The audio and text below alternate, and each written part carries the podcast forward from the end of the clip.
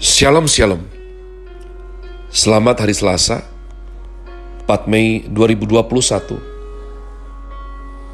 Saya Pendeta Kaleb Hofer Bintor dalam anugerahnya Penuh sukacita sampaikan pesan Tuhan melalui program Chris Word yakni suatu program renungan harian yang disusun dengan disiplin. Kami doakan dengan setia supaya makin dalam kita beroleh pengertian mengenai iman, pengharapan, dan kasih yang terkandung dalam Kristus Yesus. Sungguh merupakan kerinduan saya bagi saudara sekalian, agar supaya kasih dan kuasa firman Tuhan setiap hari tidak pernah berhenti menjamah hati kita, menggarap pola pikir dan paling utama adalah kehidupan kita boleh sungguh berubah. Menuju Christ likeness. Masih dalam season summer dengan tema train, Chris Word hari ini saya berikan judul Mazmur 70 dan 71 Sebab demikianlah komitmen membaca kitab suci hingga habis sesuai agenda. Saya Midley, saya rapel hari ini 70 dan 71, Mazmur 70 dan 71, doa minta pertolongan, 5 ayat saja umat Tuhan, dan makanya saya sambung langsung Fatsal 71.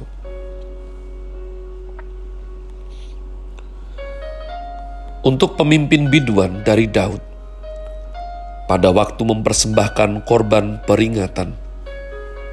Ya Allah, bersegeralah melepaskan aku, menolong aku ya Tuhan. Biarlah mendapat malu dan tersipu-sipu mereka yang ingin mencabut nyawaku. Biarlah mundur dan kena noda mereka yang mengingini kecelakaanku.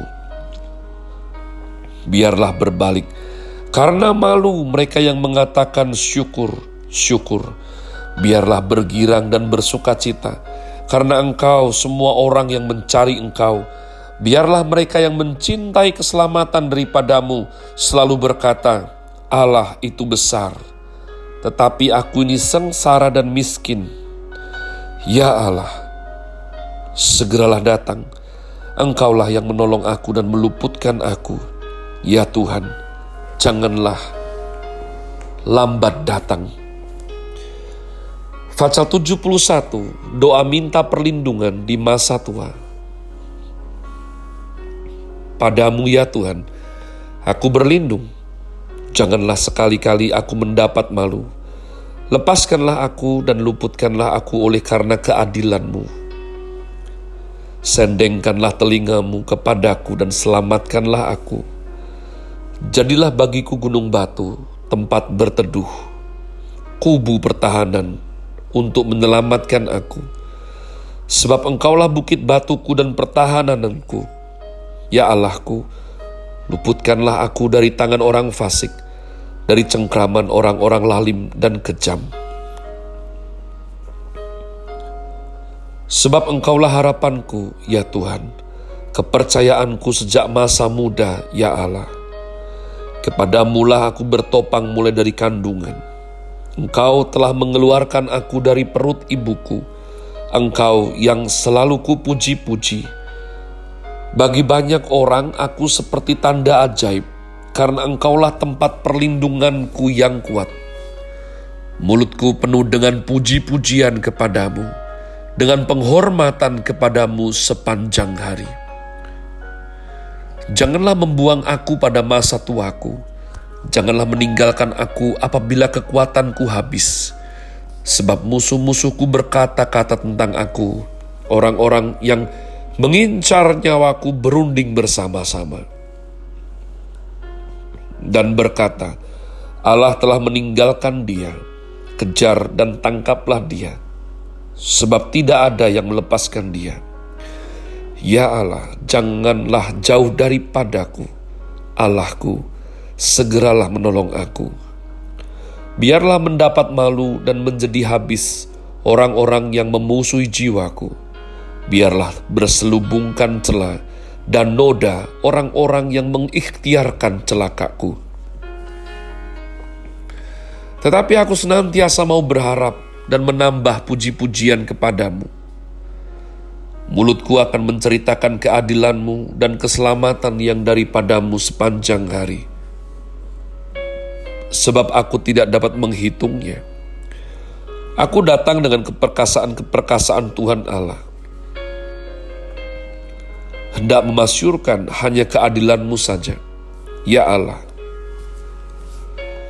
Engkau telah mengajar aku sejak kecilku, dan sampai sekarang aku memberitakan perbuatanmu yang ajaib. Juga sampai masa tuaku dan putih rambutku, ya Allahku, janganlah meninggalkan aku, supaya aku memberitakan kuasamu kepada angkatan ini, keperkasaanmu kepada semua orang yang akan datang. Keadilanmu, ya Allah, sampai ke langit. Engkau yang telah melakukan hal-hal yang besar, ya Allah. Siapakah seperti engkau? Engkau yang telah membuat aku mengalami banyak kesusahan dan malapetaka. Engkau akan menghidupkan aku kembali. Dan dari samudra raya, bumi, engkau akan menaikkan aku kembali Engkau akan menambah kebesaranku dan akan berpaling menghibur aku. Aku pun mau menyanyikan syukur bagimu dengan gambus atas kesetiaanmu, ya Allahku. Menyanyikan mazmur bagimu dengan kecapi, ya yang kudus Israel. Bibirku bersorak-sorai sementara menyanyikan mazmur bagimu. Juga jiwaku yang telah kau bebaskan. Lidahku juga menyebut-nyebut keadilanmu sepanjang hari, sebab akan mendapat malu dan tersipu-sipu orang-orang yang mengikhtiarkan celakaku. Matuan Fatsal 70 ya daripada kitab Mazmur doa minta pertolongan pendek. Tapi umat Tuhan sadarkah saudara bahwa Raja Daud terlalu sering doa minta pertolongan. Di dunia ini, jika engkau terus minta pertolongan kepada manusia, maka itu akan membosankan dan menggusarkan umat Tuhan. Ora ilok ya, jawab orang Jawa bilang, tidak pantas. Kira-kira dalam hidup ini, kepada siapa kita terlalu sering merepotkan? Pertama orang tua umat Tuhan. Dari kecil kita lahir ya, kita ngerepotin terus, kita minta pertolongan terus, minta pertolongan terus. Jenis nomor dua apa umat Tuhan? Terhadap pasangan kita. Betapa sering kita minta pertolongan, yang terucap maupun yang tidak terucap umat Tuhan. Tapi kenyataannya saya berdoa supaya engkau mendapatkan pasangan yang baik. Tapi dalam Kristus misalnya pun pasanganmu kurang baik, Tuhan sanggup memperbaikinya istrimu adalah penolong. Suamimu adalah kekuatan bagimu di masa kamu tidak mudah.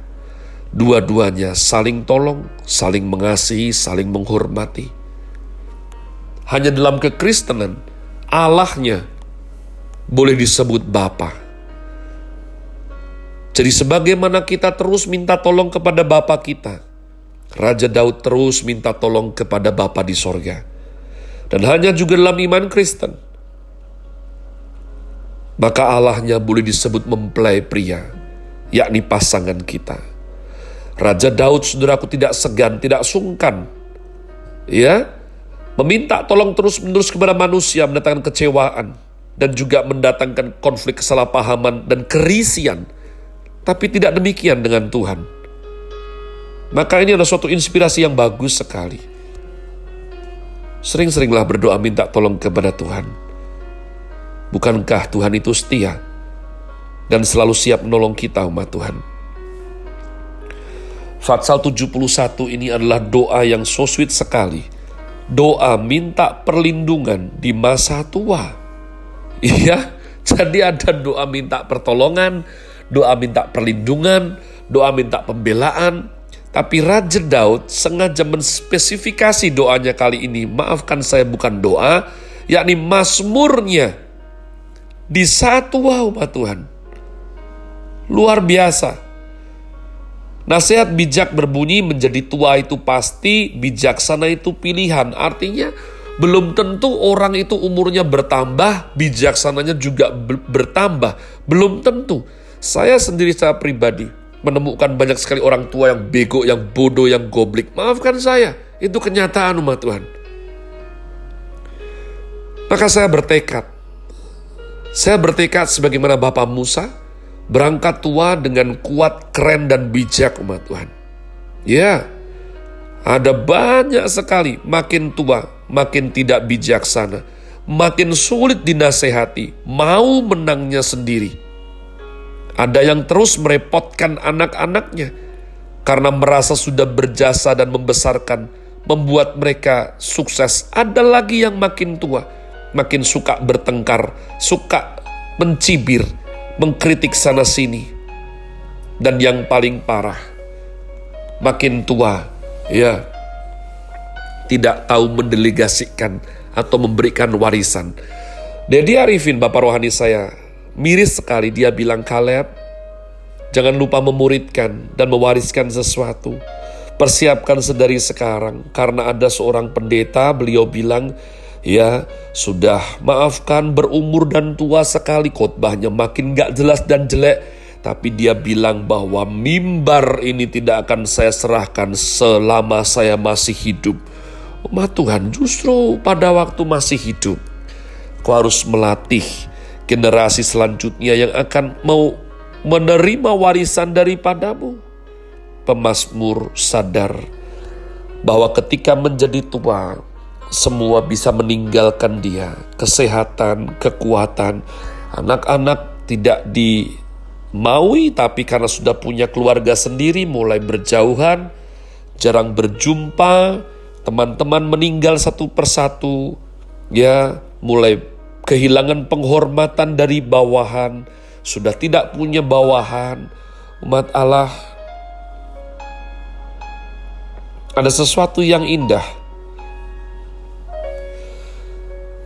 Selama belajar firman Tuhan, saya sulit menemukan dalam Alkitab batasan usia seseorang bisa menduduki jabatan tertentu, baik di pekerjaan maupun organisasi masyarakat. Kita setuju bahwa tidak ada kata terlambat untuk sesuatu yang baik umat Tuhan. Namun, namun, untuk menjabat posisi di bait Allah sesuai ulangan 8 25 sampai 27 Tuhan menetapkan batasan usia yaitu 25 tahun ke atas. Usia terakhir dipilih sebagai pengurus rumah Tuhan adalah usia 50 tahun. Ia boleh membantu saudara-saudara di rumah Tuhan menjalankan tugas tapi sudah tidak lagi menjabat posisi. Ya, ini sesuai daripada kitab ulangan. Maka umat Tuhan, Daud punya pergumulan yang sama. Dia khawatir pada saat orang sudah lupa dia.